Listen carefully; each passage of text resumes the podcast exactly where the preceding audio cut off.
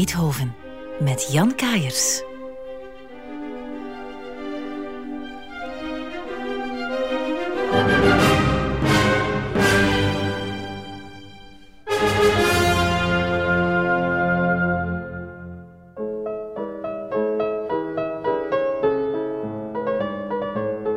In de zomer van 1812 verblijft Beethoven in het stadje Teplitz in Tsjechië. In die tijd een zeer mondijn badplaatsje. Ook Casanova heeft er ooit verbleven en later ook nog Frédéric Chopin en Frans Liszt. Als je er vandaag komt, valt dat een beetje tegen. Die stad is op geen enkele manier te vergelijken met bijvoorbeeld Karlsbad of Marienbad of Fransensbad. Die hebben veel meer charme. In Teplitz is eigenlijk nauwelijks nog wat te herkennen van die tijd van vroeger. Dat is zo'n soort Tsjechisch industriestadje. Daar staat nu ook een, een Beethoven museumpje, maar dat is echt uh, op het randje van vulgair en goedkoop, kitscherig. Hm? Helemaal niet wetenschappelijk onderbouwd en zelfs met slechte smaak gemaakt. Dus uh, niet de moeite om naartoe te gaan. Daarentegen, Karlsbad en, en Fransisbad, Marienbad, die hebben enorm veel charme. Daar voelt je in het begin van de 19e eeuw, heb je altijd het gevoel, hier kan ik Goethe tegenkomen. En Teplitz, dat is, een, dat is uh, bijna nog DDR, of, of het oude, oude Tsjechische Republiek van voor het uh, IJzeren Gordijn nog.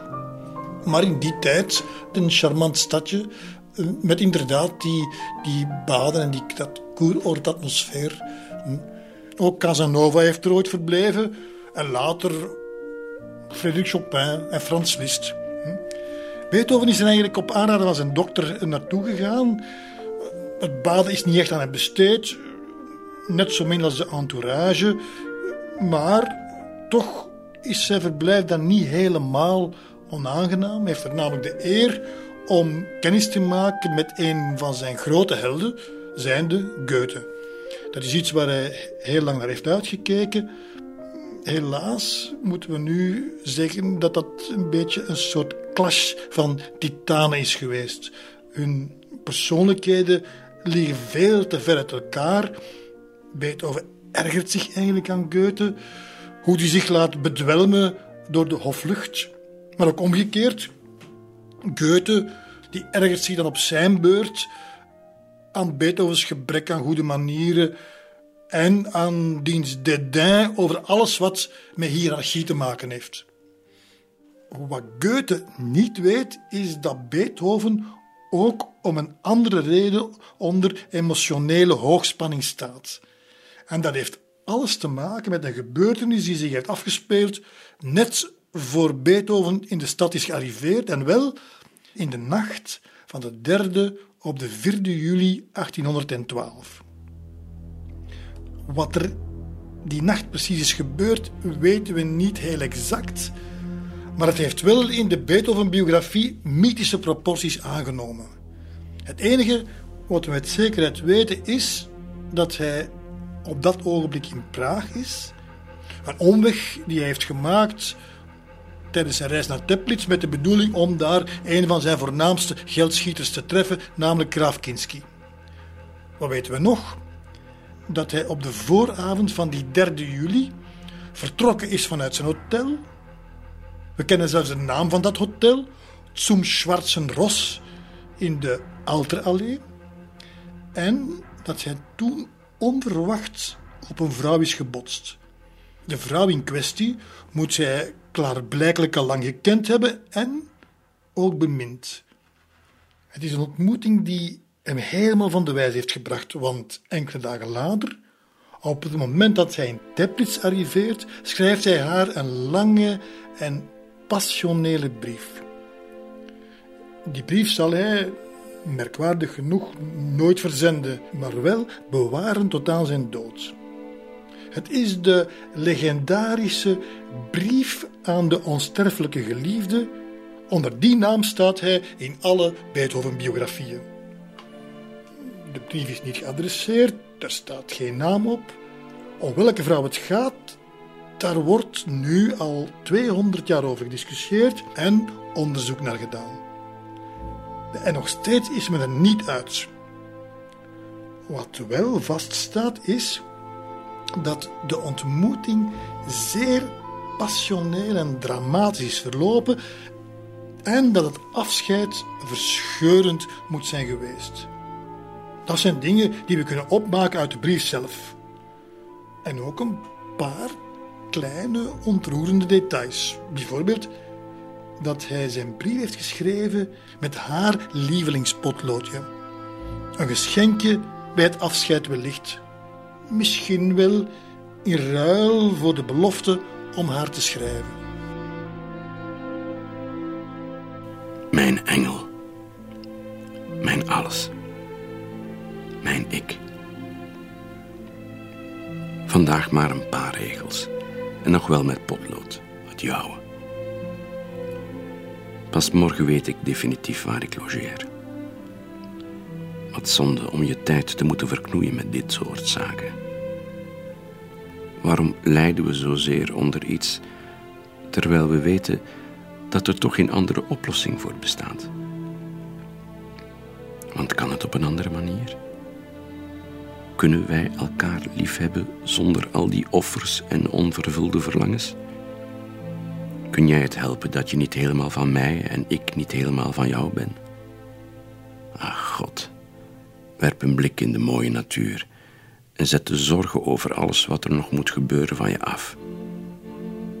Liefde verlangt het uiterste van de mens en dat hoort ook zo. Jij voelt dat jegens mij en ik jegens jou. Je vergeet alleen zo gemakkelijk dat ik voor mezelf en voor jou moet leven. Als we verenigd zouden zijn, zou je de smart niet voelen en ik ook niet. Ook nu kan ik je geen deelgenoot maken van wat er de afgelopen dagen allemaal door mijn hoofd is gegaan over mijn leven. Als we voorgoed samen waren, zouden zulke overpijzingen, denk ik, achterwege blijven. Ach, er gaat zoveel in me om dat ik met je zou willen delen. Soms heb ik het gevoel dat woorden daarvoor eenvoudig niet toereikend zijn.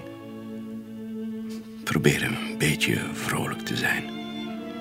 Wees mijn enige trouwe lieveling. Mijn alles.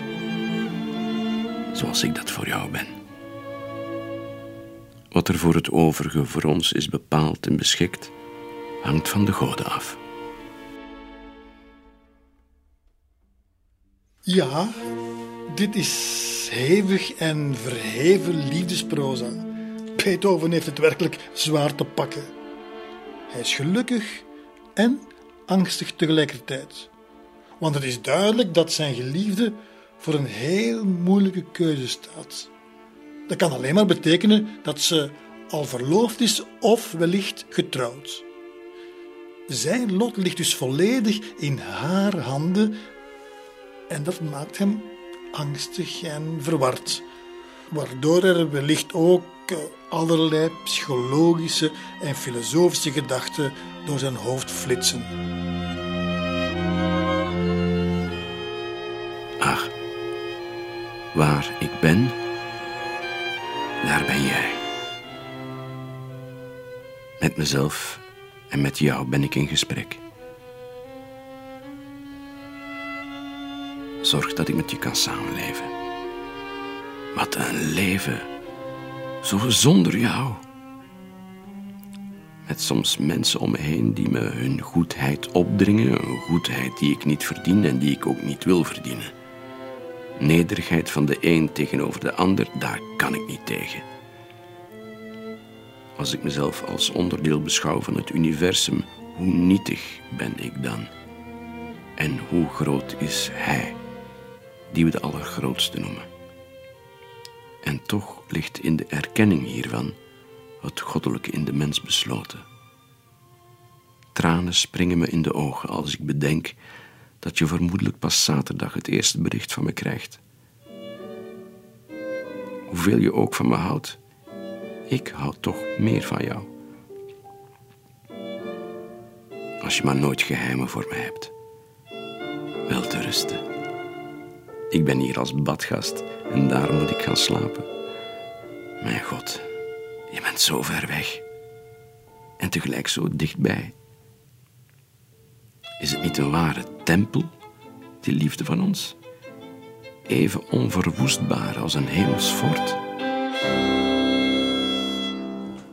Een hele nacht ligt hij te woelen en te draaien in zijn bed, compleet radeloos, over en weer geslingerd tussen de opperste vreugde en de diepste tristesse. Dat is wat een hevige verliefdheid kan doen met een mens, dat blijven malen. En de volgende ochtend neemt hij weer de pen in de hand om opnieuw bij zijn onsterfelijke geliefde zijn hart uit te storten. Goedemorgen. Al in bed dwalen mijn gedachten af naar jou, mijn onsterfelijke geliefde. Nu eens met vreugde, dan weer met droefheid, in afwachting of het lot onze wensen verhoort. Ik wil ofwel op volwaardige wijze met je samenleven, of helemaal niet. Ik heb besloten om net zo lang op afstand van je te blijven, tot ik je om de hals kan vliegen en mij helemaal thuis kan voelen bij je. En ik jou door liefde omgeven ziel naar het rijk der geesten kan laten vlieden. Helaas, ik kan niet anders. Je zult je vast in mijn besluit schikken, te meer omdat je weet hoezeer ik je trouw ben. Nooit kan een ander mijn hart bezitten. Nooit, nooit. Oh God. Waarom moet ik afstand bewaren tot iemand waar ik zo van hou, terwijl mijn leven in Wenen, zoals het nu is, toch armzalig is? Jouw liefde maakt me tegelijk gelukkig en diep ongelukkig. Op mijn leeftijd heb ik juist behoefte aan een zekere eenvormigheid, aan rust in het leven. Kan ik die wel verwachten bij een verhouding als de onze? Engel, zojuist verneem ik dat de postkoets elke dag gaat en daarom moet ik eindigen, zodat je deze brief zo snel mogelijk krijgt. Maak je geen zorgen. Alleen door in alle rust ons leven te beschouwen, kunnen we het doel bereiken dat we onszelf stellen, namelijk met elkaar te gaan samenleven. Maak je geen zorgen. Hou van me. Vandaag, gisteren. Wat een schrijend verlangen naar jou. Jou, jou. Mijn leven. Mijn alles. Het allerbeste. Oh, blijf van me houden. Verloog nooit het meest trouwe hart van je minnaar. El, eeuwig de jouwe, eeuwig de mijne, eeuwig van elkaar.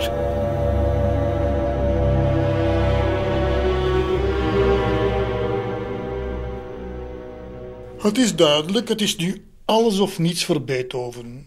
Een stiekeme relatie, dat wil hij niet meer, dat kan hij niet meer. En daarmee dwingt hij haar eigenlijk tot een definitieve keuze. En in afwachting van die keuze zal hij wel wat afstand bewaren, hoe zwaar hem dat ook valt. Nu, zoals ik al zei, bijna twee eeuwen wordt er gespeculeerd over wie die onsterfelijke geliefde was.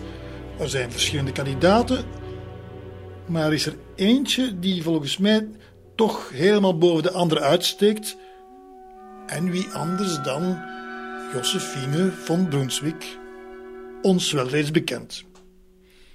Ik wil er mijn hoofd echt niet op verwedden, maar er zijn toch wel heel wat zaken die in haar richting wijzen.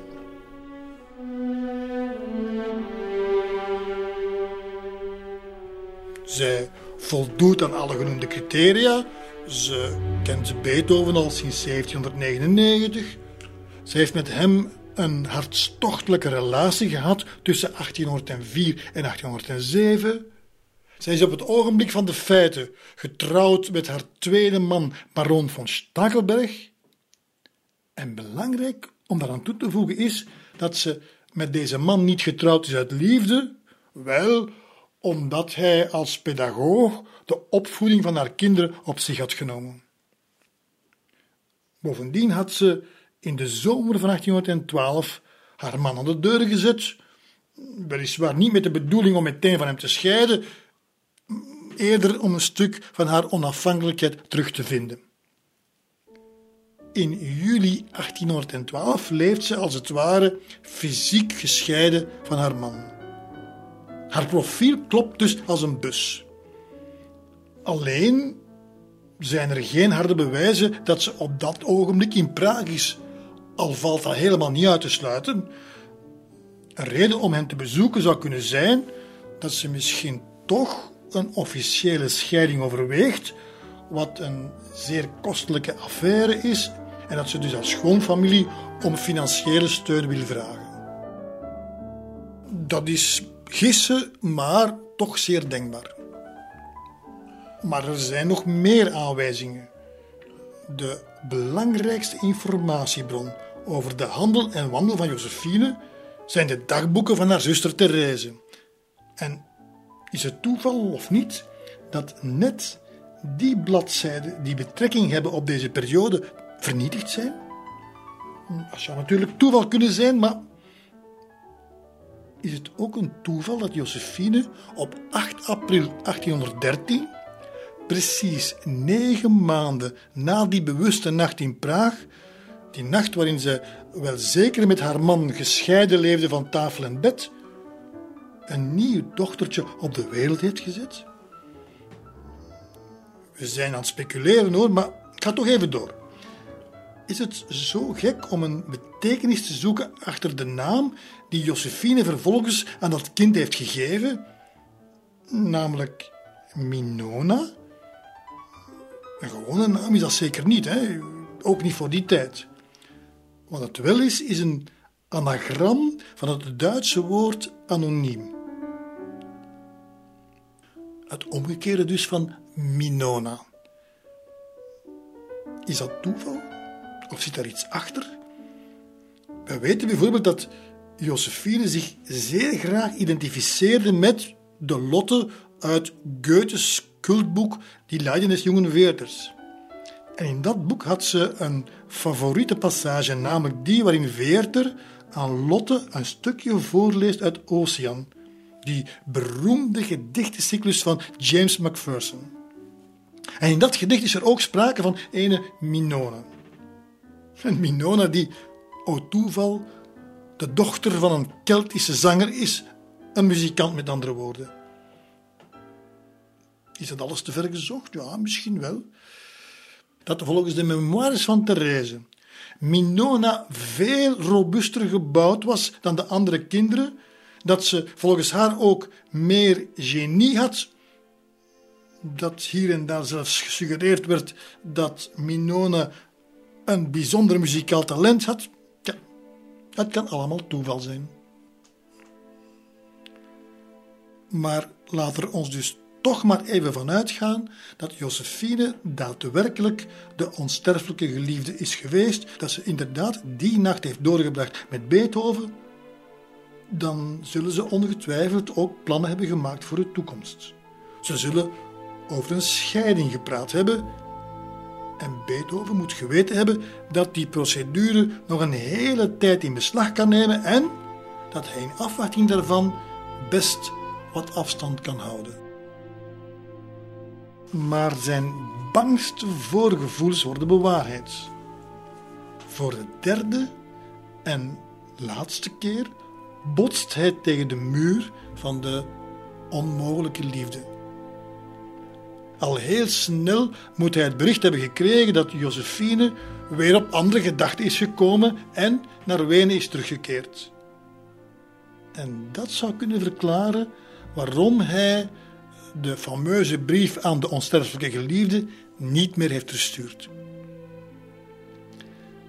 Achter die plotse meningsverandering schuilde meer dan de door Beethoven zo gevreesde wispelturigheid van Josephine, maar wel koele berekening. Het is goed mogelijk dat Josephine er serieus rekening mee hield dat ze opnieuw zwanger was. En daarop is ze dan hals over kop naar Wenen teruggereisd met de bedoeling om Stakelberg, en met hem dan toch ook de hele buitenwereld, de indruk te geven dat hij de verwekker was van het zevende kind. Als inderdaad in deze fase van het echtscheidingsproces aan het licht zou komen dat zij overspel had gepleegd, zou er niet alleen een groot schandaal zijn losgebroken, maar zou zij vooral alle kansen op een voordelige regeling definitief kwijt zijn, inclusief het recht haar kinderen en het nog ongeboren kind dat ze ondertussen in haar schoot droeg, na de scheiding bij zich te houden. En dat klopt, want uh, uit de later teruggevonden memoires van haar oudste zoon Frits Dijn blijkt dat ze daar heel veel moeite heeft voor gedaan.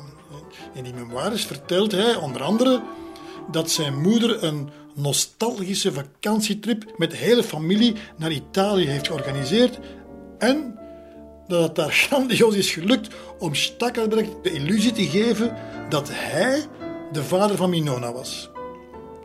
Frits Dijm heeft het over een periode van wat hij noemde warme tederheid tussen de ouders, die zich schijnbaar nauwer tot elkaar aangetrokken voelden dankzij de geboorte van het nieuwe kind. Ook de zus van Josephine heeft in haar memoires nog even teruggeblikt op deze periode en op de pijnlijke beslissingen van Josephine om Beethoven definitief te verlaten. Met spijt in het hart, want Therese zag Beethoven niet graag uit haar leven verdwijnen. Beethoven. Het lijkt wel een droom als ik eraan denk dat hij een vriend en vertrouweling van ons gezin was. Zo'n hoogstaande man. Waarom nam mijn zuster Josephine hem niet als echtgenoot toen ze weduwe was? Met hem was ze vast gelukkiger geworden dan met Stakelberg. Moederliefde was het die haar deed besluiten af te zien van haar eigen geluk. Tja, Beethoven zal het vast graag gelezen hebben, al kan hij met de sympathie van Therese weinig kopen. Het staat nu onomstotelijk vast dat Beethoven alle huwelijksambities met Josephine moet laten varen en veroordeeld is tot definitieve eenzaamheid. Het is ook erg dat hij daar eigenlijk met niemand kan over praten. Want hij wil op geen enkele manier Josephine in discrediet brengen. Maar hij kan zijn wanhoop moeilijk verbergen, hij wil ze ook niet verbergen. Zo bijvoorbeeld in een brief aan een vriend die hij op de 14 juli vanuit Teplitz stuurt. Over Teplitz kan ik je niet veel berichten. Weinig mensen. En onder die weinig zijn er al bijna geen die iets interessants te melden hebben. Daarom leef ik alleen. Alleen. Het is een zware mentale klap voor Beethoven. Het kost hem enorm veel energie. En het wordt er allemaal niet beter op, want najaren van 1812 is treurig en somber en heeft Beethoven niet veel meer te bieden dan nog meer kopzorgen. Om te beginnen bij zijn eigen familie.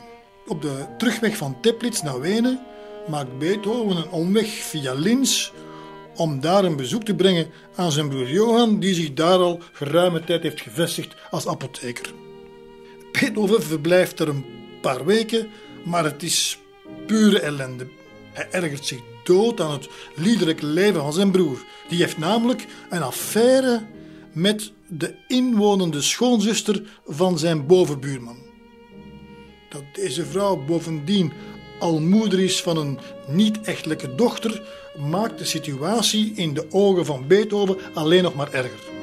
En op een bepaald ogenblik gaan ze zelfs met elkaar op de vuist wat uiteraard niks oplevert. Maar Beethoven volhardt. En men moet zich het even voorstellen, hij stapt zelfs naar de geestelijke en de burgerlijke autoriteiten om aangifte te doen van zijn eigen broer, nota bene. Hij wil bij politieverordening die vrouw uit de stad laten verbannen, waarop zijn broer Johan dan weer zeer gevat reageert. Hij laat Stante Pede zijn situatie legaliseren door met de vrouw in kwestie te huwen en meer nog haar jonge dochtertje te adopteren.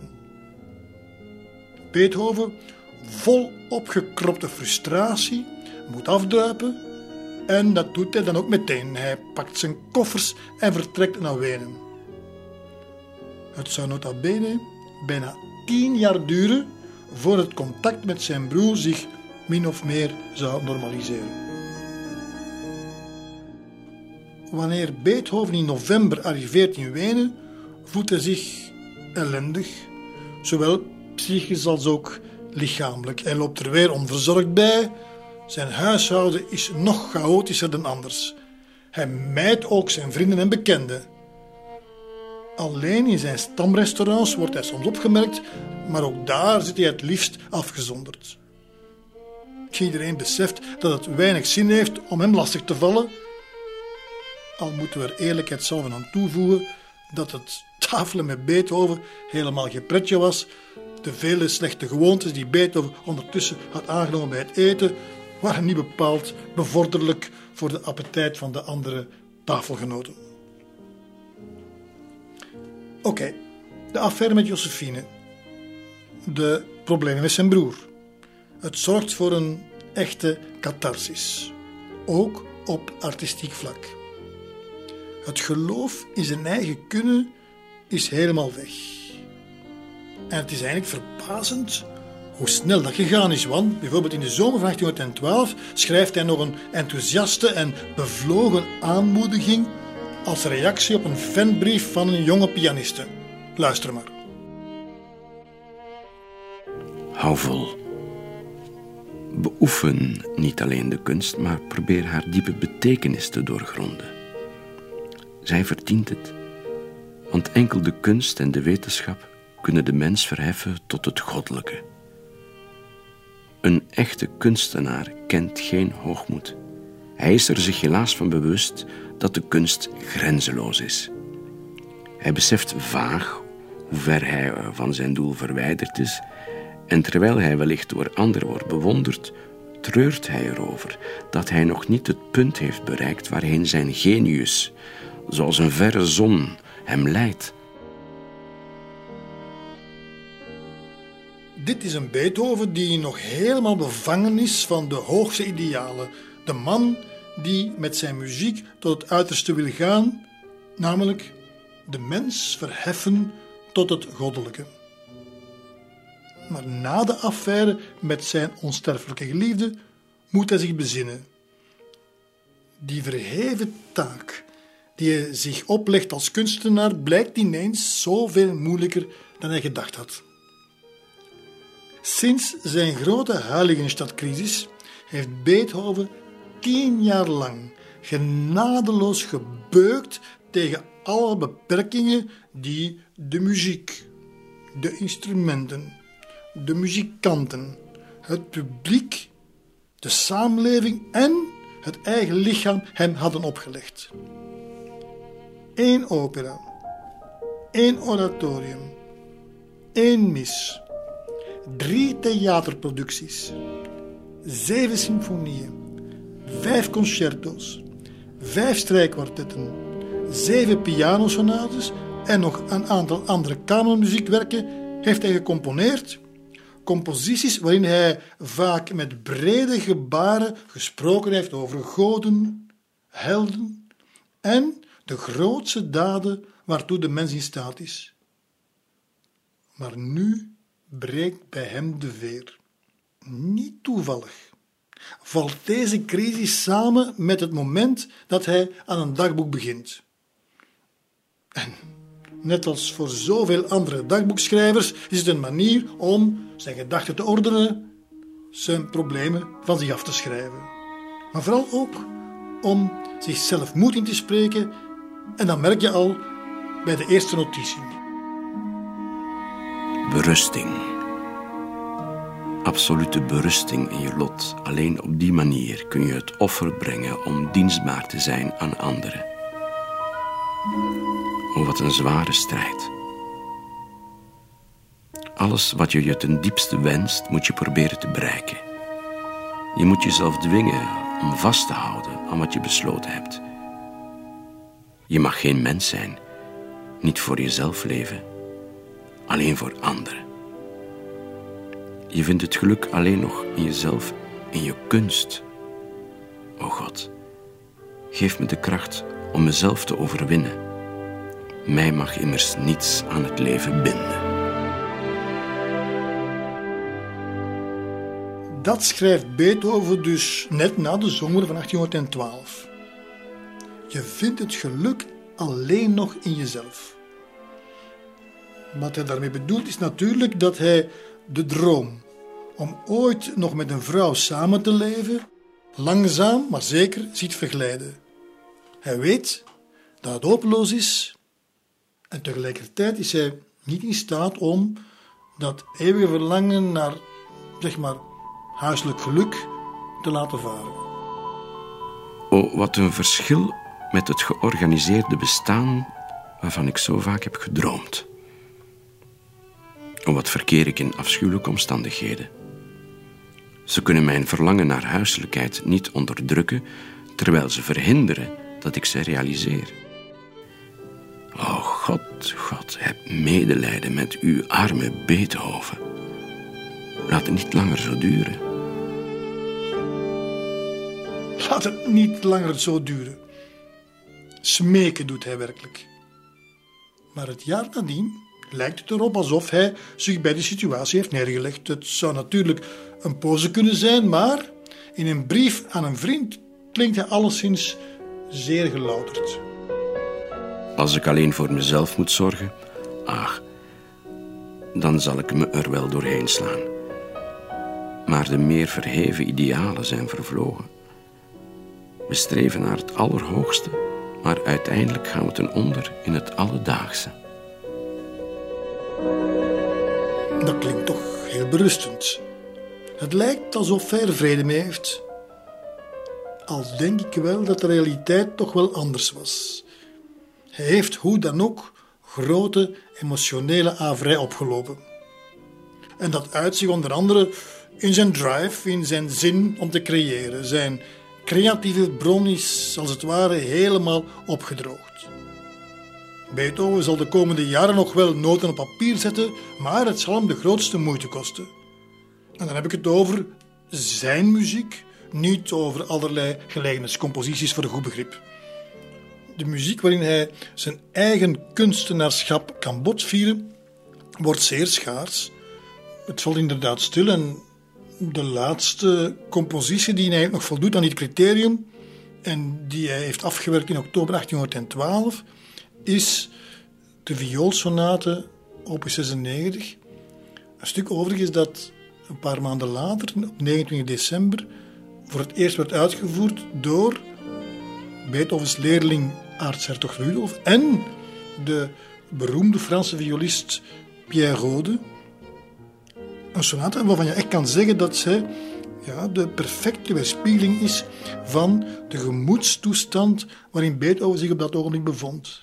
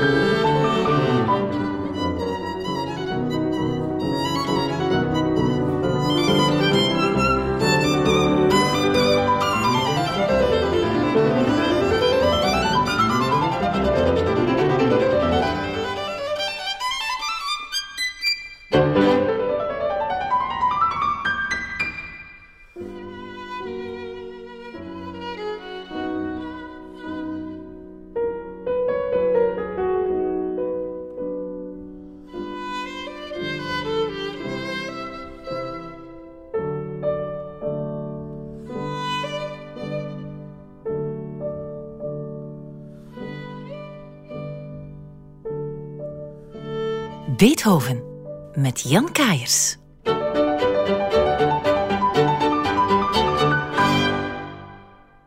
Na de vioolsonate opus 96 is het gedaan, of toch alleszins voor een langere tijd. Hè?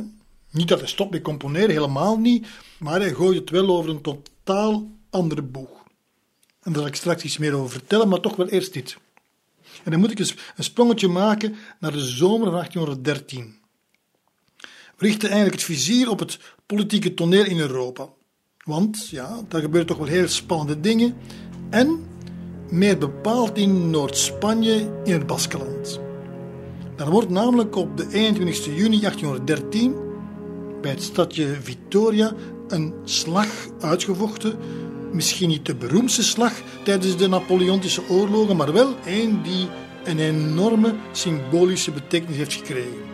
Het zijn namelijk de Engelse troepen onder leiding van Lord Wellington die er voor het eerst in slagen om de Franse bezettingsmacht in Spanje een nederlaag toe te dienen.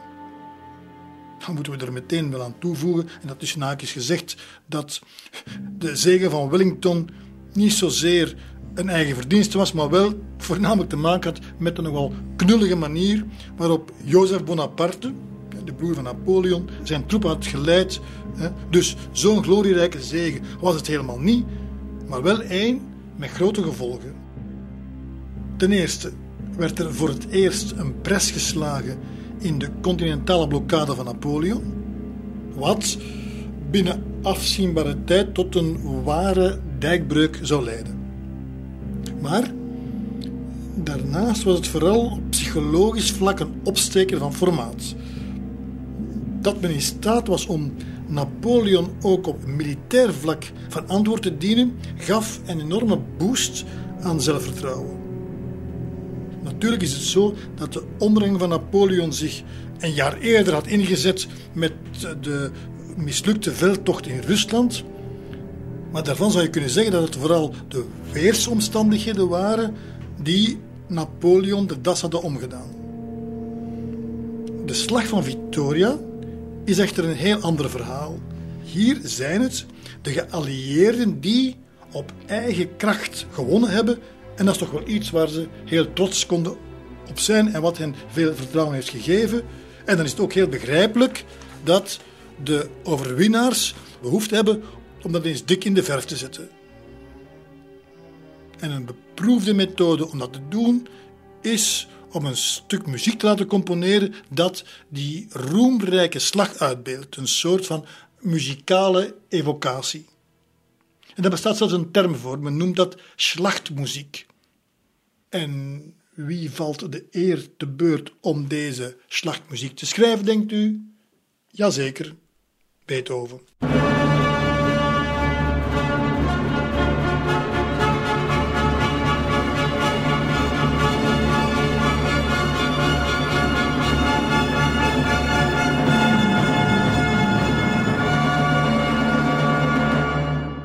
Het stuk gaat in première op woensdag 8 december 1813. De gelegenheid is een groots benefietconcert ten bate van invalide soldaten. Plaats van het gebeuren: de eerste verdieping van het universiteitsgebouw in Wenen. Iedereen is aanwezig, de finfleur van Wenen, alle hoogwaardigheidsbekleders, elke Wener met een druppeltje blauw bloed in de aderen. Maar ook de gewone burgers zijn massaal komen opdagen. De zaal zit bomvol. Er zijn mensen die recht staan in de middengangen of die leunen tegen de zijmuren. En ook vooraan is het dringen. Op het kleine verhoogje dat als podium moet dienen, zitten, luister goed, meer dan 100 muzikanten opeengeplakt. De blazers kunnen amper ademen, de strijkers hebben nauwelijks plaats om hun stokken te laten bewegen, zo krap zitten ze op elkaar. Maar dat is nog niet alles. Ook in de zijgangen en de traphallen staan er muzikanten opgesteld, trompetisten, trommelaars en spelers van zogenaamde kanonnen- en geweervuurmachines. Dat waren immens grote trommen. Op uitdrukkelijke vraag van de componist zelfs de grootste die er in de theaters te vinden waren. En ratels. Het zijn die trommels en ratels die straks voor de special effects moeten zorgen bij wat het spektakelstuk van de avond moet worden. Maar daarvoor moet het publiek eerst nog wat geduld uitoefenen, want wat staat er eerst op het programma? Beethovens zevende symfonie.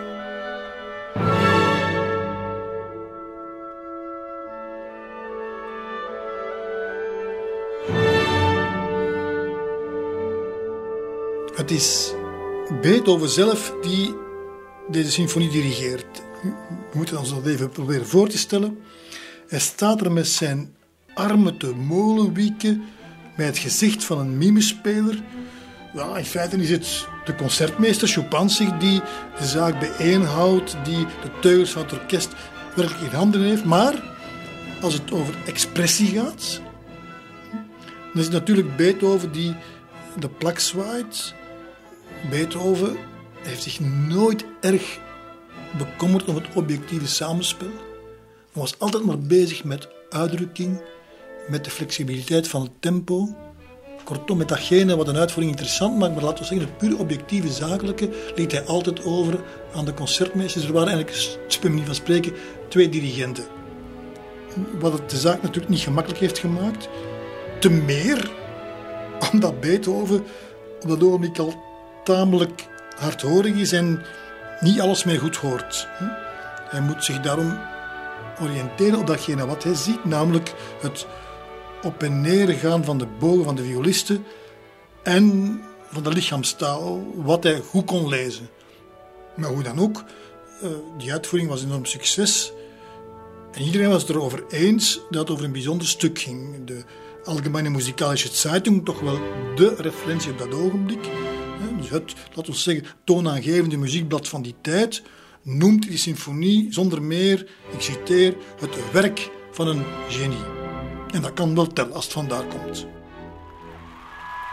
De uitvoering is dus een succes, een groot succes. Na het tweede deel, het fameuze Allegretto, applaudisseert het publiek zo geestdriftig dat het orkest gewoon opnieuw begint te spelen. En tot grote verrassing van Beethoven die er gewoon bij stond en een beetje beduust toekijkt.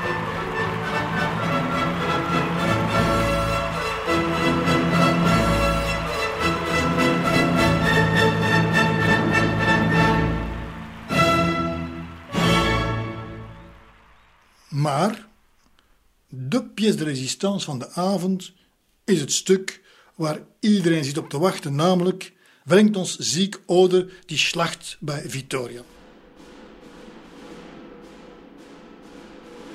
Ik herhaal het nog eens. Dit soort composities, de muzikale uitbeelding van veldslagen, is helemaal niet nieuw. Voor Beethoven daarentegen wel. En iedereen is benieuwd wat de grote componist Beethoven daarvan zal maken. De sfeer bij het publiek is dus wat je zou kunnen noemen blijde verwachting.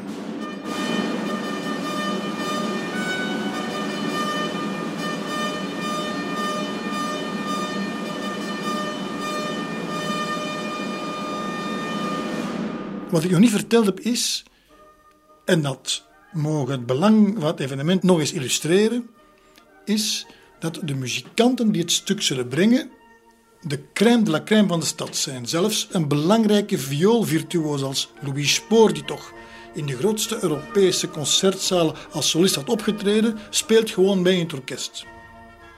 Bovendien staan de allerbeste muzikanten niet vooraan op het podium in het orkest, maar wel links en rechts in de zijkanten. Bijvoorbeeld niemand minder dan Antonio Salieri, toch wel de hoftheatercomponist. Een man met een enorm track record, die staat in de coulissen om een van de twee slagwerk- en trompetsecties te dirigeren. En aan de grote trommels en de kanonnen staan coryfeeën als Hummel, Moschles en de jonge Meyerbeer. Het is Beethoven hemzelf die daar heeft op aangedrongen, want in zijn partituur staat uitdrukkelijk dat de slagwerkpartijen door, ik citeer, zeer goede muzikanten of en nog letterlijk mannen met inzicht, met andere woorden lees geen gewone slagwerkers, moesten gespeeld worden. Dat is wel nodig, want heel belangrijk, namelijk alles staat of valt met de timing. Het mag dan zijn dat op het slagveld de kogels wild in het rond vliegen. In Beethovens compositie zijn de kanon en andere schoten getimed tot op een fractie van een seconde.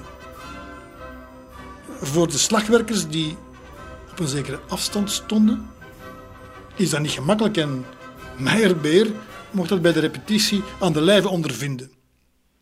Zijn kanonschoten op de grote trom kwamen altijd iets te laat. De man besefte niet dat hij omwille van de afstand een beetje moest anticiperen. En het gevolg was dat hij een flinke uitbrander kreeg van Beethoven. De zenuwen zijn dus flink gespannen. Het is bijna alsof dat ze zich op een echt slagveld begeven. Met Beethoven als een soort volleerd krijgskundige aan de leiding. Hoor hoe aan de linkerzijde de trommels klinken. Een marcherend leger dat dichter en dichter komt en dan de trompetten. Dit is de bekende melodie van Rule Britannia. Dat zijn de Engelsen dus. Dat is voor iedere toehoorder wel duidelijk.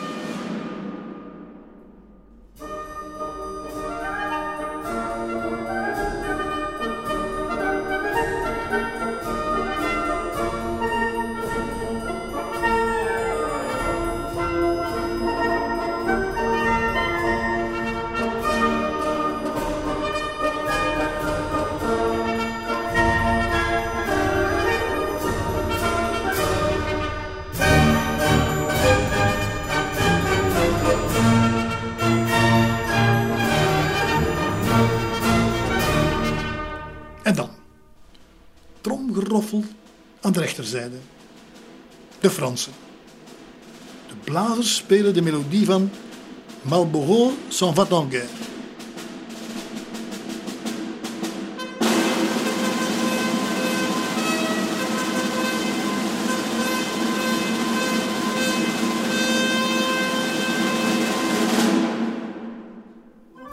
Dat is geen toeval.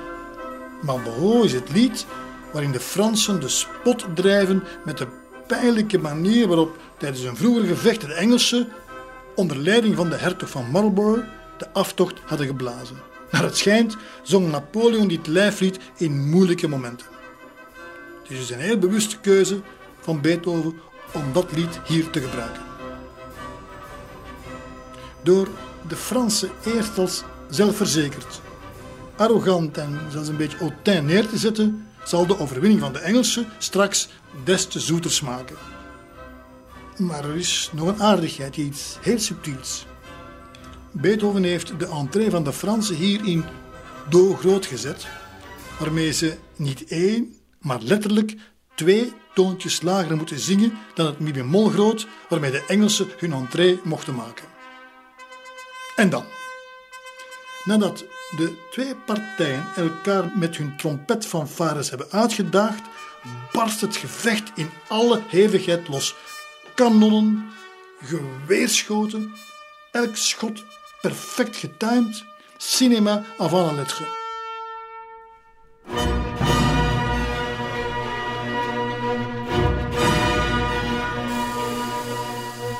Vijf minuten lang gaat dat gewoon door. Je ziet het zo voor je ogen. Je hoort de cavalerie aanstormen, het infanteriegeschut dat alsmaar toeneemt. Het wordt een lawine van georganiseerd orkestrene.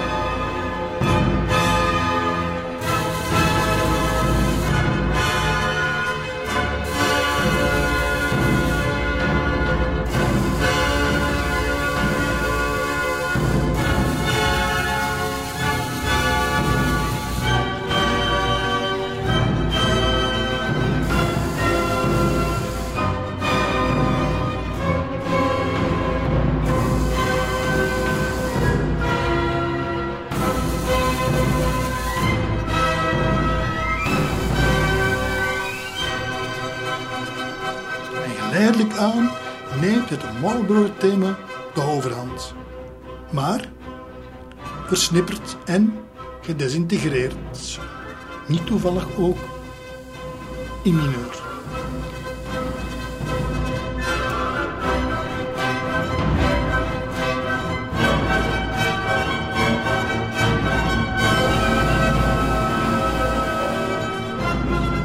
Zelfs het einde van de slag heeft Beethoven hoog realistisch vormgegeven. Toen, op 21 juni 1813, om zes uur s'avonds, de Fransen terugkropen en al hun wapens achterlieten, bleven, tegen alle regels van fair play in, de moe getergde Engelsen de vluchtende tegenstanders bekogelen. Ook die ultieme aanstootgevende kanonschoten staan in de partituur. Elk schot gaat hier door merg en been. Je voelt gewoon hoe meedogenloos dit is. Verschrikkelijk.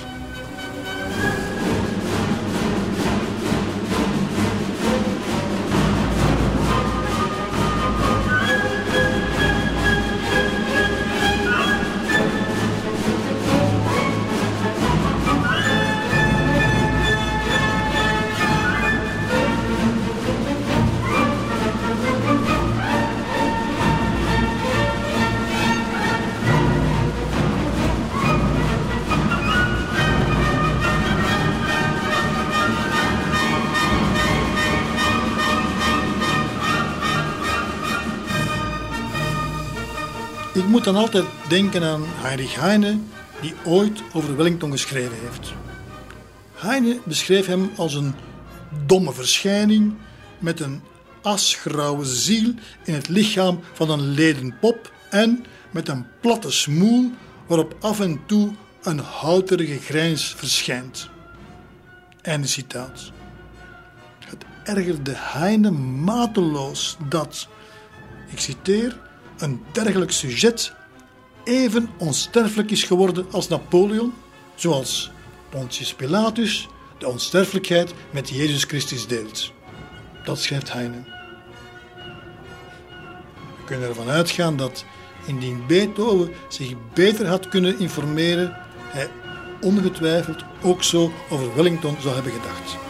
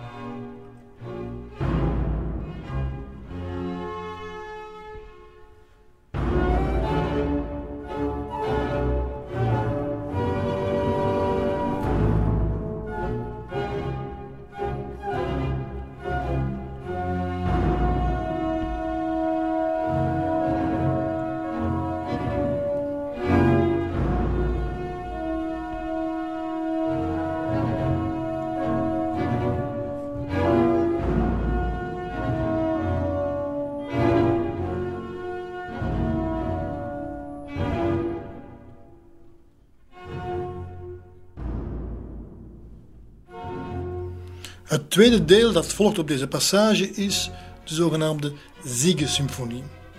Het heeft de bedoeling om de jubel bij de overwinnaars uit te drukken. Het feestgedruis, de beloningen die op een slagveld te rapen zijn. La gloire. Maar voor mij is het iets Franks.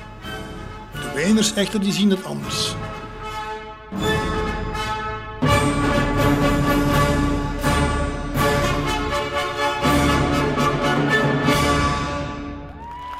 Afloop van de uitvoering veert het publiek op. Applaus, een salvo van toejuichingen. Beethoven zelf staat er beduusd bij te kijken. Zoiets heeft hij nog niet veel meegemaakt en misschien wel nooit. Mocht Beethoven op dat ogenblik geweten hebben dat dit stuk muziek hem bij leven meer roem zal bezorgen dan welke andere compositie uit zijn carrière, zijn verbazing zou nog veel groter geweest zijn. En het enthousiasme voor zijn Wellington-muziek is ook zeer wel gekomen, hè? want succes betekent geld En dat kan Beethoven op dat ogenblik zeer goed gebruiken. Met andere woorden, Beethoven beslist van te surfen op het succes van dit concert, zowel wat betreft de Wellingtonmuziek als ook wat betreft de Zevende Symfonie. En hij plant dus een nieuwe academie waarin hij die stukken opnieuw wil spelen, opnieuw voor een enthousiast Weens publiek. Hij maakt er meteen werk van. Op de 2 januari 1814, nauwelijks drie, vier weken later, huurt hij de grote redoutezaal af in de Hofburg. De zaal zit vol en geniet weer met volle teugen van al het muzikale oorlogsgeweld. En zo is er misschien een zeker probleem, want Beethoven maakt van de gelegenheid gebruik om zijn nieuwe achtste symfonie aan het publiek voor te stellen. En dat stuk gaat er eigenlijk niet zo gemakkelijk in. Een criticus van de Allgemeine Musikalische Zeitung schreef nadien dat de hooggespannen verwachtingen niet werden ingelost, omdat de achtste, volgens hem, te veel in de schaduw van de zevende stond. En Beethoven was daarover enorm geïrriteerd. Volgens hem had het matige succes van de achtste paradoxalerwijze ermee te maken dat ze volgens hem gewoon veel beter was dan de zevende. Dat de Wellingtonsmuziek zo aanslaat bij de Weners heeft natuurlijk ook nog een andere reden. Hun patriotistische en nationalistische sentimenten worden immers flink gevoed door de actualiteit. Want aan het oorlogsfront is er niets anders dan goed nieuws. En ik ga dat even vertellen. Op nieuwjaarsdag van 1814, dus de dag voor Beethovens Academie, hebben de geallieerde troepen onder leiding van de Pruisische generaal Blücher de Rijn overgestoken. Dat is een heel belangrijke stap van grote symbolische betekenis. Op 31 maart nemen ze Parijs in en de 4 april wordt Napoleon officieel afgezet en naar het eiland Elba verbannen. Twee dagen later, op 6 april, besluit de Franse Senaat de in ballingschap levende Lodewijk XVIII, de jongere broer van de onthoofde Lodewijk XVI, als koning terug te halen. Daar hebben zowel Metternich als zijn conservatieve Engelse collega Castlereagh mee ingestemd. Ze willen Frankrijk niet kleineren omdat het in hun visie nog een belangrijke rol zou spelen binnen Europa. In het nieuwe Europa weliswaar. En hoe dat nieuwe Europa er moet uitzien, dat weten we op dat ogenblik nog niet. Dat zijn zaken die weldra bedisseld moeten worden in het grote congres van Wenen. Ook daar zal Beethovens Wellingtonmuziek meerdere keren uitgevoerd worden, maar zover zijn we nog niet. In het voorjaar van 1814 komt Beethoven onverwacht voor een nieuwe uitdaging te staan. De Hofopera in Wenen vindt het namelijk een goed idee om Beethovens opera Fidelio nog eens van onder het stof te halen. Het initiatief komt van drie zangers van de Hofopera, namelijk Ignace Zaal, Johann Michael Vogel en Karl Friedrich Weinmüller. Het zijn mannen die perfect de polsslag van het publiek aanvoelen en ze zijn tamelijk zeker van hun stuk.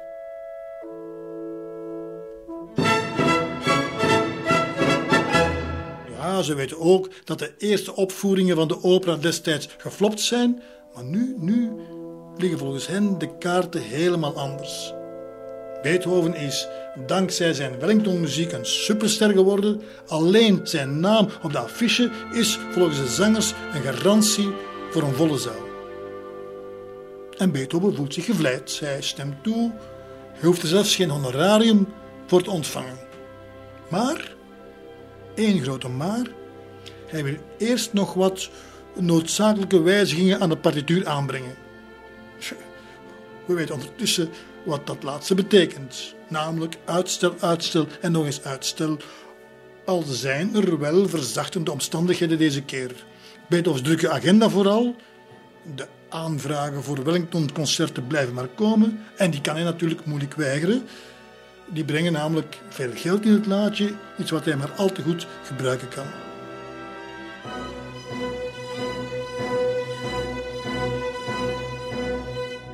Het is vooral de regisseur die geduld moet uitoefenen, Georg Friedrich Treitschke, maar die zit ondertussen toch ook niet stil. Hij schrijft onder andere stukken van het libretto en doet er werkelijk alles aan om van de opera deze keer een succes te maken.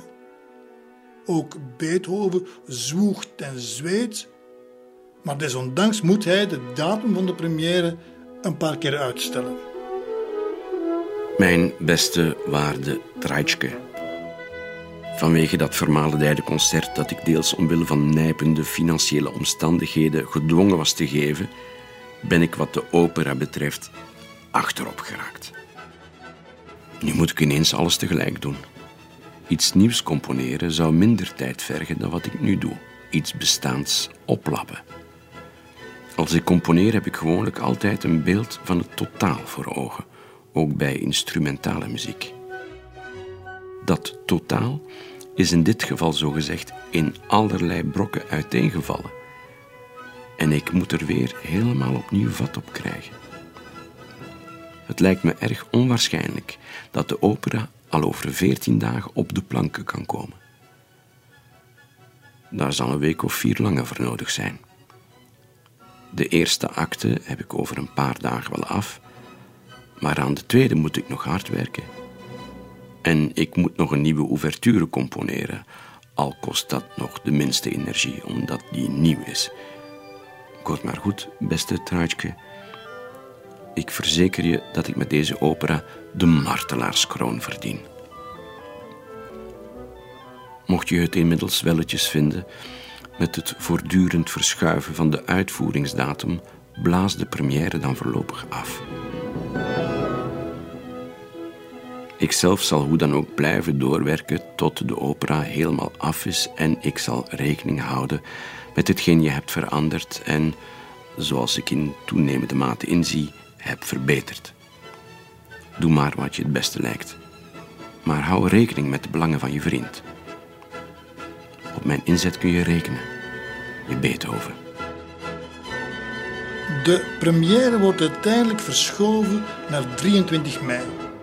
Maar het harde werk heeft dan ook opgebracht. De opera wordt een succes, een enorm succes zelfs. In hetzelfde jaar worden er nog 13 uitvoeringen van gebracht, waarvan één op de feestelijke soirée naar aanleiding van het naamfeest van de keizer.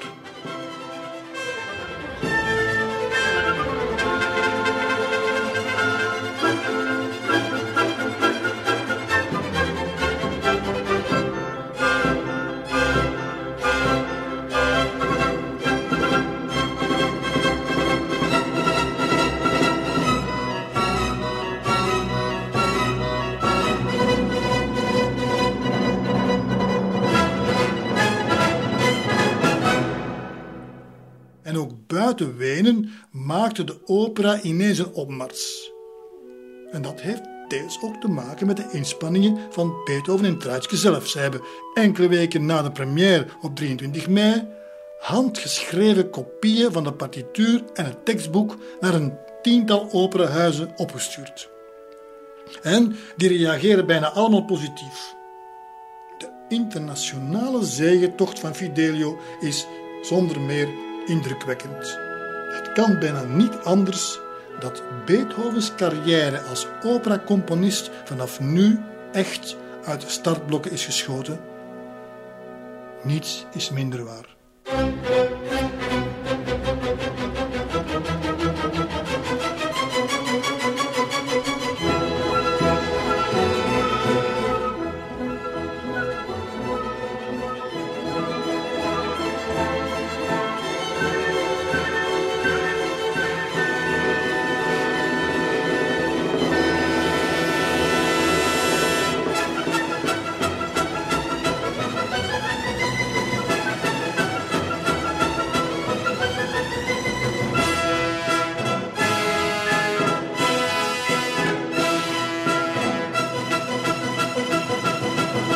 Beethoven met Jan Kaiers.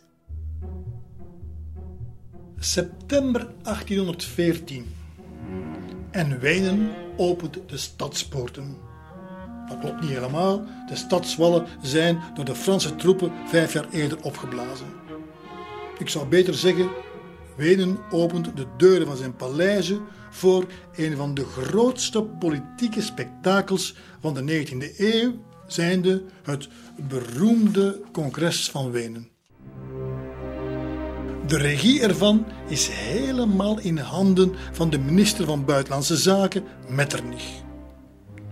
Vreemd eigenlijk, want achteraf bekeken was het aandeel van Oostenrijk bij de ondergang van Napoleon toch maar eerder gering. Ik denk niet dat ze één kogel te veel hadden verschoten.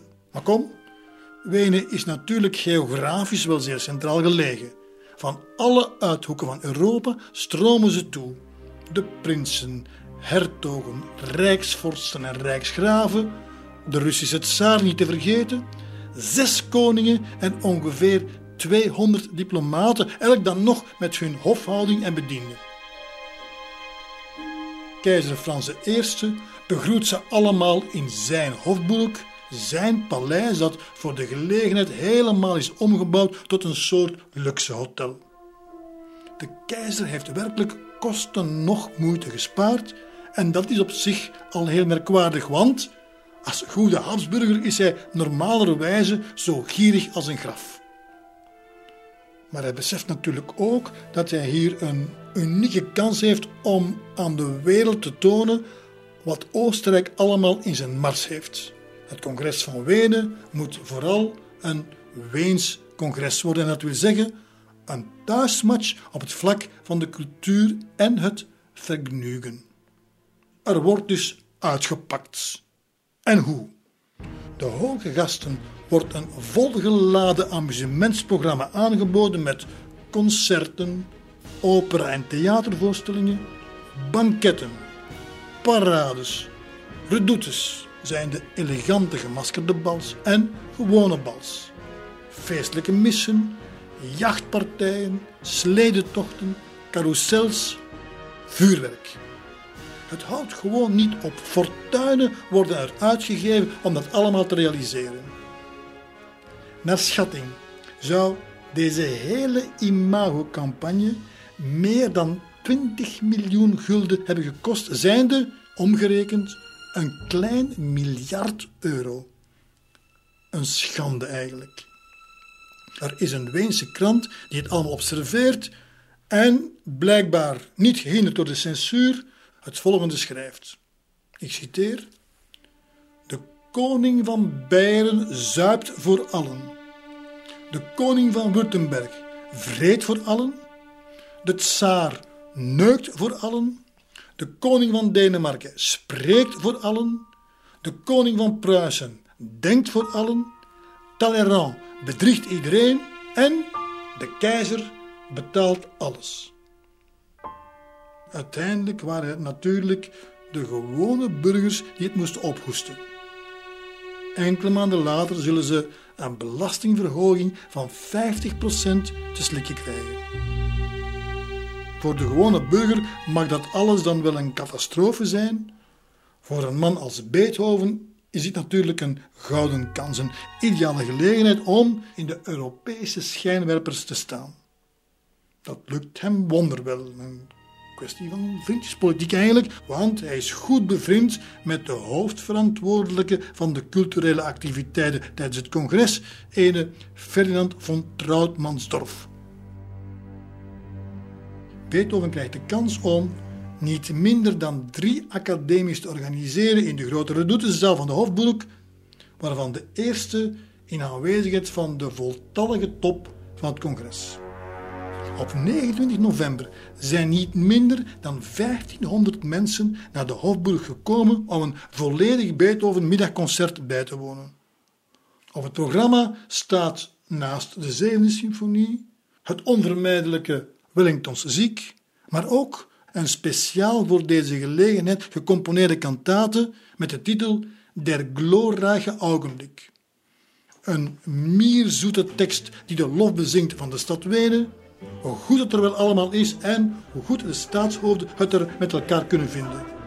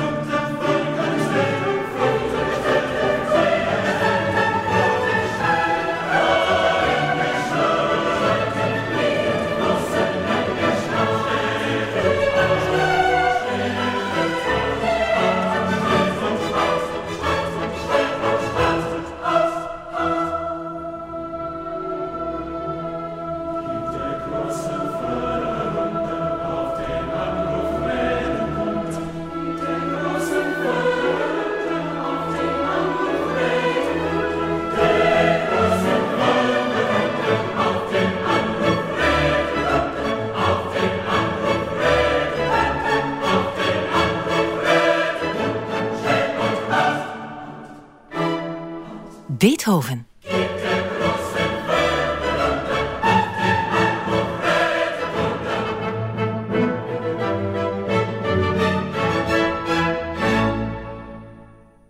Politiek correcte liederen zijn eigenlijk nooit een goed idee. Het is een beetje kitsch en bovendien nogal leugenachtig, want in werkelijkheid zitten die zogenaamde eensgezinde staatshoofden in duistere achterkamertjes zich te verbijten over elke morzel Europese grond.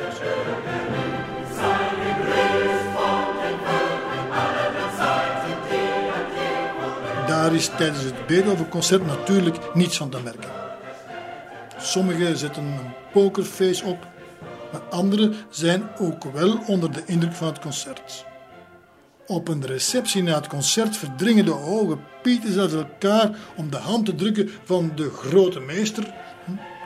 Een gesprek voeren met hem was haast niet meer mogelijk, omwille van zijn toenemende doofheid, zeker in die grote ruimte met al dat lawaai. Vooral de meer dan gewone aandacht die hij van de tsarin mag ontvangen, streelt zijn ego.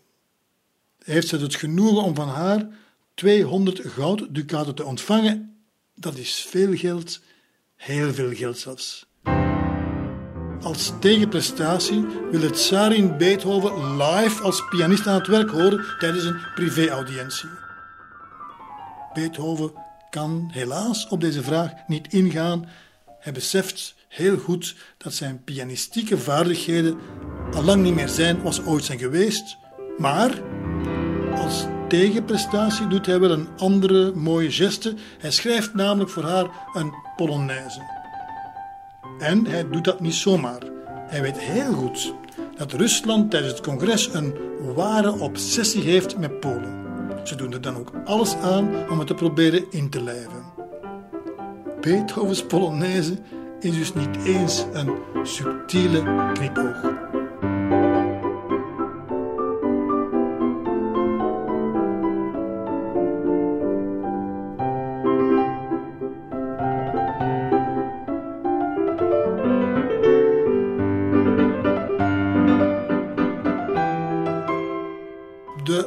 Polonaise in Dogrood. Op die manier heeft Beethoven zijn plicht tegenover het vaderland vervuld, zwalpend tussen kunst en kitsch, zeg maar.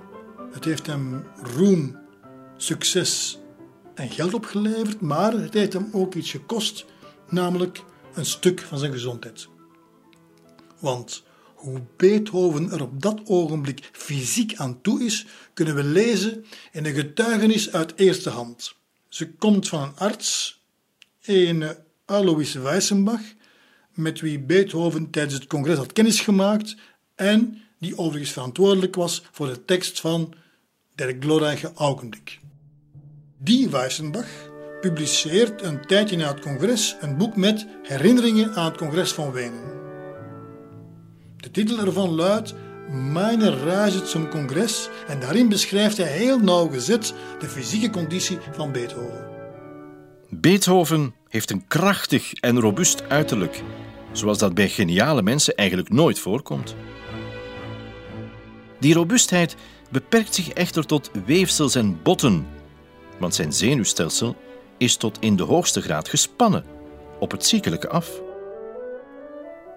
Hoe treurig stemde het mij om bij dit organisme der harmonie te moeten constateren dat de snaren van de geest steeds zo gemakkelijk konden springen en ontstemmen. Hij heeft vroeger een ernstige aanval van tyfus doorstaan. Sindsdien is zijn zenuwgestel in toenemende mate ontregeld geraakt.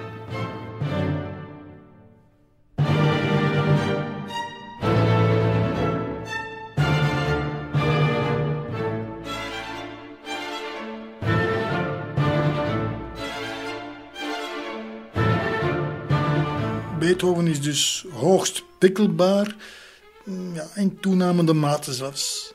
En wat vertelt Weissenbach nog meer? Iets dat toch wel zeer interessant is voor ons, namelijk hij vertelt over Beethovens gehoorproblemen op dat ogenblik. Welke hinder hij daar precies van ondervindt en vooral ook hoe hij daarmee omgaat. Ik heb daar vaak en lang met hem over gesproken. Voor hem is het erger dan voor de buitenwereld. Zozeer gaat hij op in zijn muziek dat hij zijn gehoor gemakkelijk kan ontberen. Zonder ophouden is hij productief en creëert hij scheppingen die niet door zijn gehoororgaan, maar door God zelf worden ingegeven. Toch is het opzienbarend dat hij, voordat de kwaal zich openbaarde, buitengewoon scherp en gedetailleerd kon horen. En dat hij ook nu nog harde geluiden als pijnlijk ervaart. Dit komt waarschijnlijk doordat hij zelf één en al welluidendheid is. De afstomping van het edele zintuig is overigens ook in een ander opzicht beklagenswaardig. Want de natuur heeft hem toch al op erg spaarzame en zuinige wijze deelgenoot gemaakt van het maatschappelijke leven. Door zijn gebrekkige gehoor geraakt hij nog meer in een isolement, met als gevolg dat hij zich aan zijn lot overgelaten voelt. En genoodzaakt is om zijn eeuwig waakzame kunstgenie op te schikken met buien van hypochondrie. Zijn karakter correspondeert geheel en al met zijn uitzonderlijke talent. Nooit eerder heb ik de combinatie aangetroffen van een zo kinderlijk gemoed en een zo sterk en onbuigzaam doorzettingsvermogen. Een kinderlijk gemoed en een onbuigzaam doorzettingsvermogen. Niet bepaald flatterend zou ik zeggen. Maar dat is wel Beethoven in een notendop. En even tussen haakjes. Eigenlijk is het toch wel sterk dat Weissenbach, een arts nota bene, Beethovens privéleven gewoon op straat gooit. En merkwaardig genoeg heeft Beethoven daar helemaal geen moeite mee. Blijkbaar mag vanaf nu iedereen weten hoe het met hem is gesteld. Waar hij zich daarentegen wel zorgen over maakt, is de muzikale impasse waarin hij al een tijdje zit. Hij ligt in de knoop met zijn eigen creativiteit, zijn nood aan originaliteit, ja, zijn hogere missie zijnde het ware kunstenaarschap. Ja, dat wreekt zich. In de omgang is hij nog onuitstaanbaarder dan ooit. Wat hij nodig heeft is concentratie en daarvoor moet hij zich kunnen afzonderen. Hij zou wel willen verhuizen, maar beseft ook dat dit in de huidige omstandigheden onmogelijk is. Het probleem is dat hij nog altijd gebonden is aan een contract dat hij enkele jaren geleden heeft afgesloten met die drie belangrijke geldschieters, namelijk graaf Kinski, prins Lobkowitz en aartshertog Rudolf. Het heeft van hem dan wel een soort staatscomponist gemaakt. Het heeft hem ook veel problemen opgebracht, vooral dan omwille van de achterstallige betalingen. Het vervloekte decreet noemt hij het zelf. Hij kan dus niet weg uit Wenen. Om zich af te zonderen begint hij dan maar weer lange wandelingen te maken buiten de stad, dikwijls met zijn schetsboeken onder de arm. En af en toe schrijft hij daar ook dagboekachtige aantekeningen in. Volgens de tekst van het decreet moet ik in Oostenrijk blijven wonen. Als ik de dorpen om me heen zie, is daar gemakkelijk aan te voldoen. Hier word ik niet geplaagd door mijn ongelukkige kwaal. Het is alsof hier elke boom tegen me spreekt. Volmaakt. Volmaakt is het in de bossen. Woorden schieten tekort om het te beschrijven. Als alles verkeerd loopt, kan ik nog altijd mijn toevlucht nemen tot het landleven. Zelfs winters kan ik daar verblijven, bijvoorbeeld in Gaden, Unterobrühl of zo. Ik huur gewoon kamers bij een boer. In zo'n periode van het jaar is het vast niet duur. Wat een aangename stilte heerst er in het bos. Ook al steekt er een hevige bries op nu ik twee dagen hier ben. Ik blijf niet in Wenen. Daar is iedereen tegen me. O, Almachtige, wat voel ik me hier hemels gelukkig. In elke boom weer klinkt uw stem. O God, wat een Hier in de bossen en op de heuvels heerst pas echt rust. Rust om hem te dienen. Een boerderij. Daarmee kun je je ellende ontvluchten.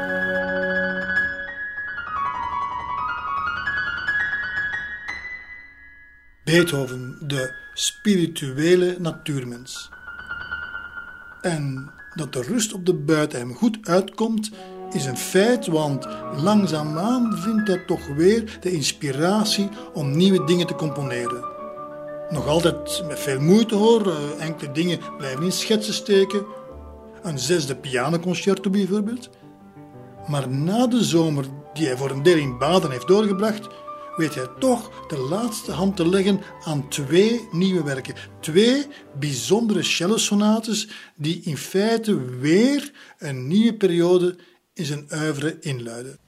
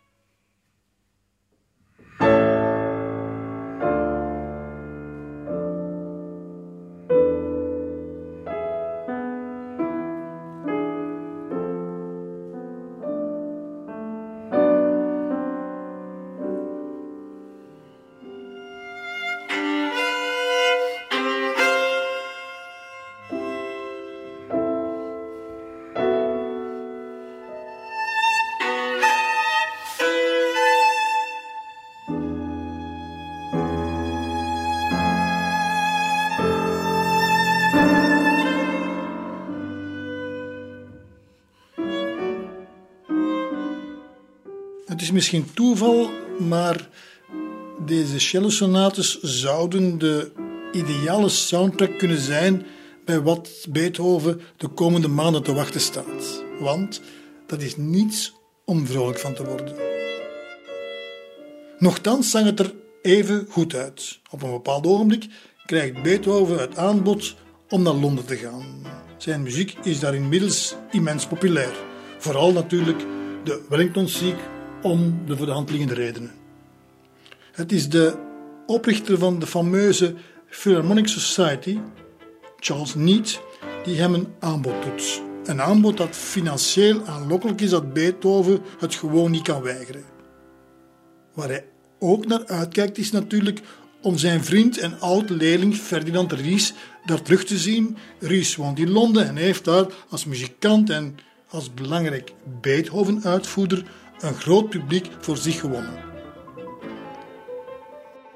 Maar helaas, die Londense plannen moet Beethoven opbergen wanneer hij weer slecht nieuws te verwerken krijgt.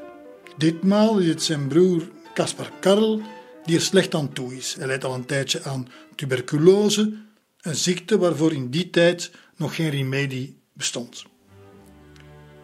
Omdat Caspar Karl het bed moet houden, en daardoor niet meer in staat is om te werken, geraakt zijn familie in financiële nood. Beethoven kan niet anders doen dan bijspringen, al is dat enigszins tegen zijn zin. Niet omdat hij te gierig is, maar voornamelijk omdat hij de echtgenote van zijn broer, Johanna, voor geen meter vertrouwt. Hij is sinds verleden al een keertje veroordeeld voor financiële malversaties een zaak waar Caspar Karl zelf even goed bij betrokken was, maar dat wil Beethoven liever niet geweten hebben. Caspar Karl is dan ook zijn meest dierbare broer en sinds hij in onmin leeft met zijn andere broer, ook het enige familielid waar hij nog min of meer een innige band mee heeft. Het is dan ook een zeer zware emotionele klap wanneer op 15 november 1815 zijn broer overlijdt. Beethoven zegt al zijn professionele afspraken af, ook die in Londen, via een brief aan Ferdinand Ries.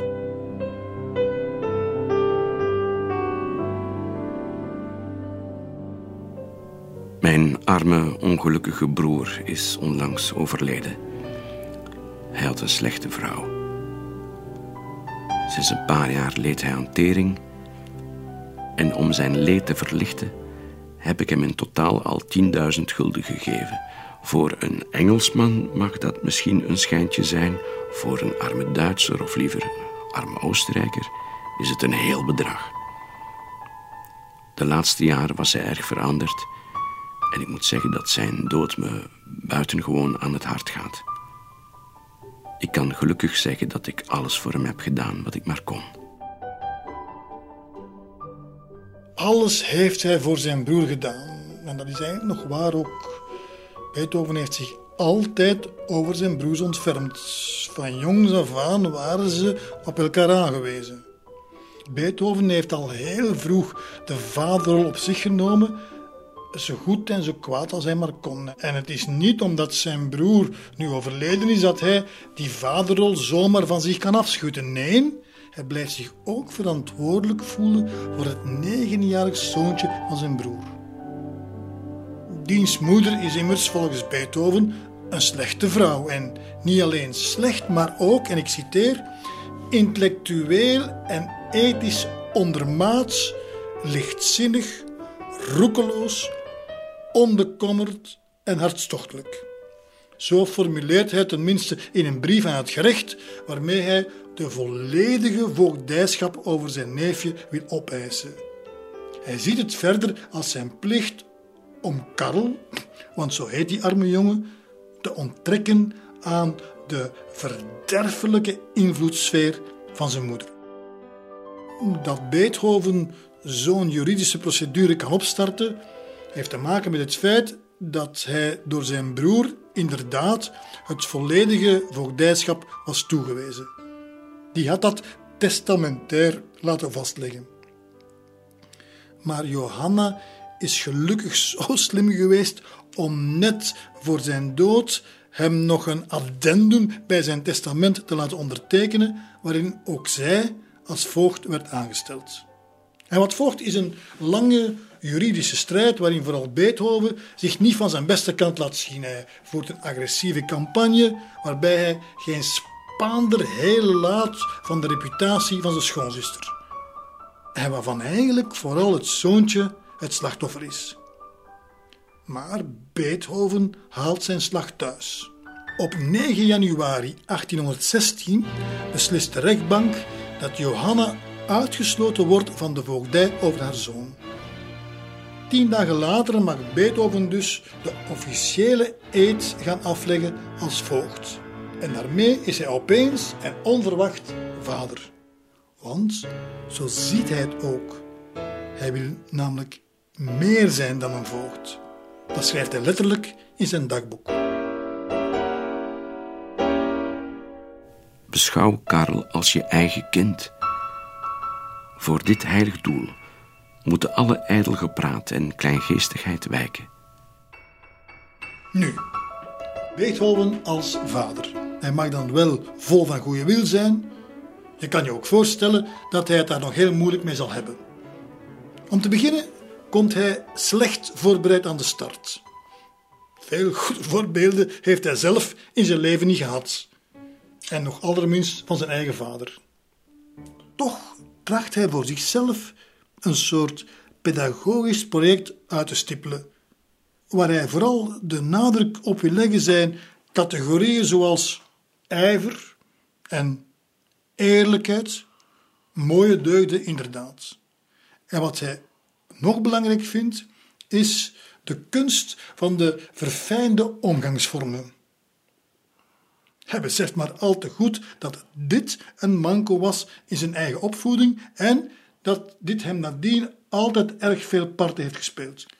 Beethoven wil ook een verlichte vader zijn, het soort vader dat voor zijn zoon een ideaalbeeld voorhoudt. Wat in zijn geval concreet betekent, ik citeer, je wordt kunstenaar of je wordt wetenschapper. Een andere weg is niet mogelijk, want men moet aan alle prijzen vermijden dat men in het gewone verzandt. Tot daar de theorie. Iedereen die zelf kinderen heeft, weet dat de praktijk helemaal anders is.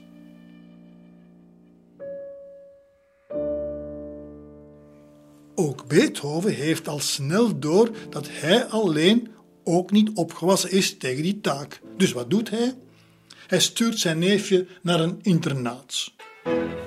Oorspronkelijk voor slechts drie maanden, maar die drie maanden worden zes. En vervolgens een jaar. Uiteindelijk zal Karel twee jaar in het internaat verblijven en al die tijd zal Beethoven er zich amper laten zien.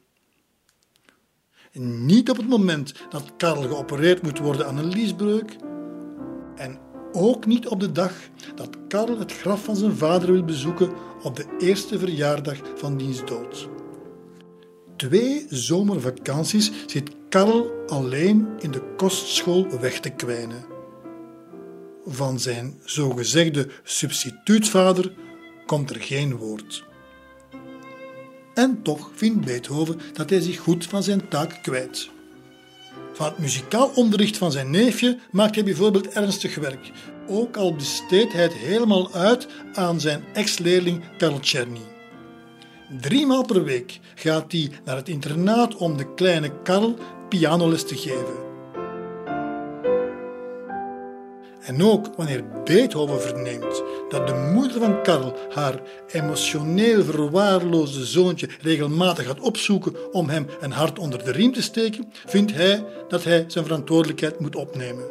Dat doet hij door aan de directie van de school een brief te sturen waarin hij beveelt dat zijn neefje zonder zijn toestemming onder geen enkel beding uit het instituut mag worden gehaald en dat de moeder zich eerst tot de voogd moet wenden als ze haar zoon wenst te bezoeken. De verlichte opvoeder Beethoven beweert dat het in het belang van zijn pupil is dat die beschermd moet worden tegen de invloed van de verdorven moeder. En om zijn standpunt nog wat kracht bij te zetten, voegt hij er nog een smeuig verhaal aan toe.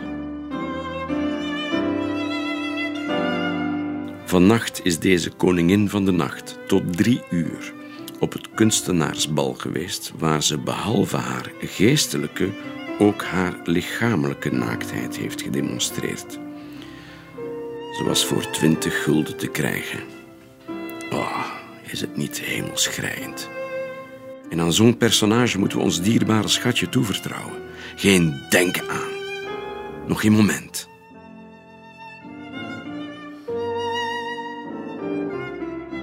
Je kan je afvragen waar dat frenetieke verlangen van Beethoven om zich zo over die kleine jongen te ontfermen toch vandaan komt. Waarom toch was hij zo gebrand op dat voogdijschap? En dat terwijl hij toch duidelijk niet tegen zulke taak was opgewassen. Mentaal niet en organisatorisch niet. Moeilijk te zeggen. Maar het is misschien geen toeval dat dit allemaal gebeurd is tijdens het verwerkingsproces van zijn onsterfelijke geliefde affaire. Misschien moest zijn voogdijschap een leegte opvullen door het verlies aan een vooruitzicht op, zeg maar, een normaal familieleven. En hoe is het overigens inmiddels gesteld met die onsterfelijke geliefde? Wel, als we ervan uitgaan dat het inderdaad Josephine van Brunswick is, en nogmaals, het blijft een veronderstelling, dan is het antwoord helemaal niet goed. Al kort na de geboorte van haar dochtertje brak het broze huwelijksbestand met haar man baron Stackelberg. Hij trok in ieder geval het huis uit, het hele gezin daarbij in de steek laten, dat wil zeggen de vier kinderen uit Josephines eerste huwelijk en dan de drie die hij zelf zogezegd bij Josephine had verwekt. Josephine tracht zich hierna, zo goed en zo kwaad als het kan, door het leven te slaan. Dat is een hele opgave natuurlijk, want haar eigen financiële middelen zijn helemaal niet toereikend.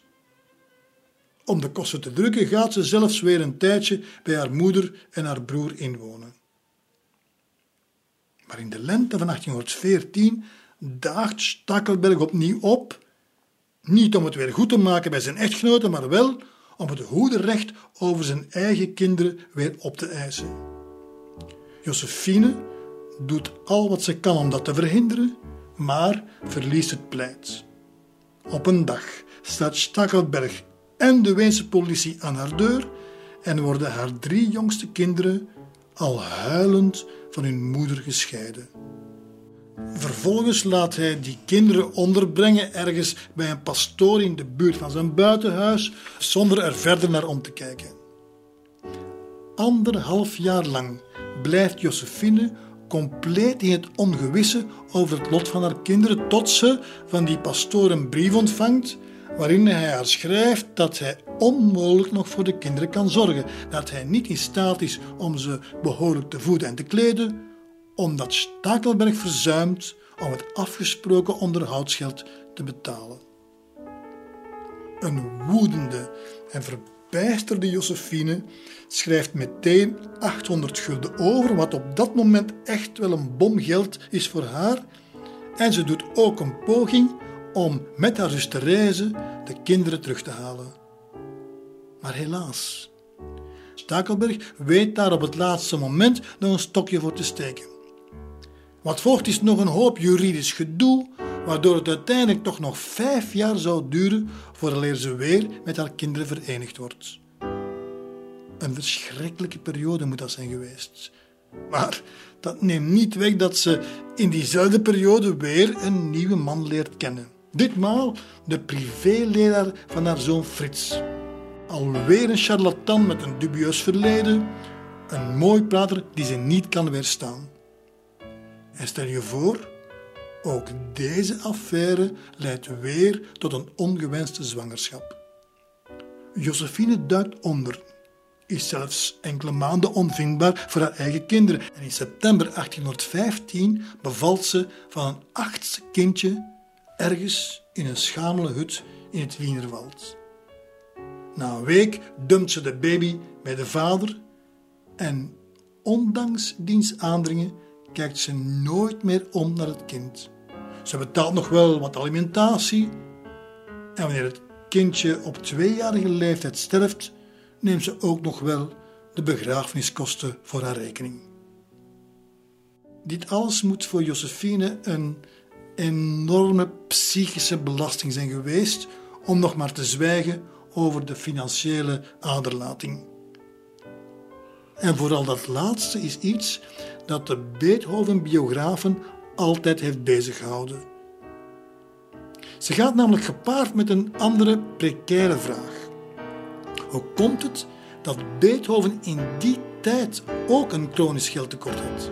En dat terwijl het geld hem net langs alle kanten kwam toegestroomd.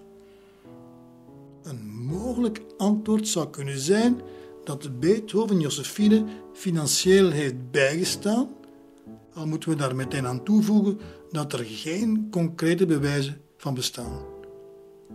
Wat wel zeker is, dat Beethoven en Josephine elkaar in de periode 1815-1816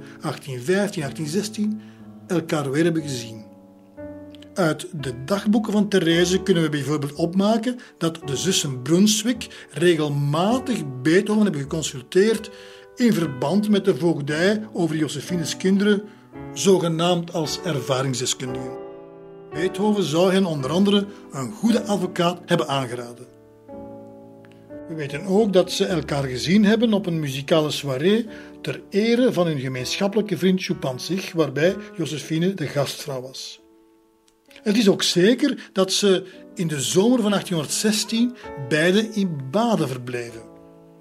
Vermits dat kuurstadje een zakdoek groot is, kan het niet anders dan dat ze elkaar daar ook tegen het lijf zijn gelopen. Iemand heeft Beethoven daar zelfs arm in arm zien lopen met een vrouw. Naar het schijnt liep hij er ook weer zeer verzorgd bij. Het zijn allemaal van die kleine aanwijzingen die bij sommigen doen vermoeden dat in de jaren 1815-1816 een vierde episode in de onsterfelijke geliefde story is geschreven. Indien dit werkelijk het geval is geweest, dan was er toch een verschil met de vorige hoofdstukken uit de liefdesgeschiedenis. Ditmaal maakte Beethoven zich immers geen illusies meer. Hij wist dat een huwelijk of een andere manier van samenleven uitgesloten was. En hoe pijnlijk dat ook was, hij heeft zich daarbij neergelegd. Zijn romantische ideaal van de grote liefde heeft hij voorgoed opgegeven. Mogelijk is het misschien wel precies daardoor dat hij en Josephine het zo goed met elkaar konden vinden toen. Het kan allemaal toeval zijn, maar net in die periode, in april 1816, legt Beethoven de laatste hand aan een liedcyclus met de naam An die ferne Geliebte. De tekst is van ene Alois Isidor Jaideles, een geneeskundestudent die hem persoonlijk aan Beethoven heeft overhandigd, in manuscriptvorm. De verzen zijn zodanig op Beethovens lijf gesneden dat je zou kunnen denken dat hij die op bestelling heeft geschreven. Want waarover gaat deze liedcyclus? Wel, dat gaat over een dichter die afscheid van zijn geliefde heeft moeten nemen over zijn verlangen om haar terug te zien. Door bergen, dalen en wouden zijn ze van elkaar gescheiden. Dus vraagt de dichter aan de vogels en de wolken en de riviertjes om zijn woorden van verlangen, gejammer en gesmeek aan haar over te brengen. En wanneer dat niet meer volstaat, moeten zij hem zelf naar zijn geliefde brengen, zodat hij haar kan liefkozen. En dan wordt het mei, de maand waarin alle minnaars elkaar weervinden, behalve zij. In het laatste lied beseft de dichter dat dit geluk nooit meer voor hem zal zijn. Dus stuurt hij maar zijn liederen naar haar toe in de hoop dat zij ze zal zingen. Enkel op die manier kunnen de tijd en de afstand die hen scheiden worden overbrugd.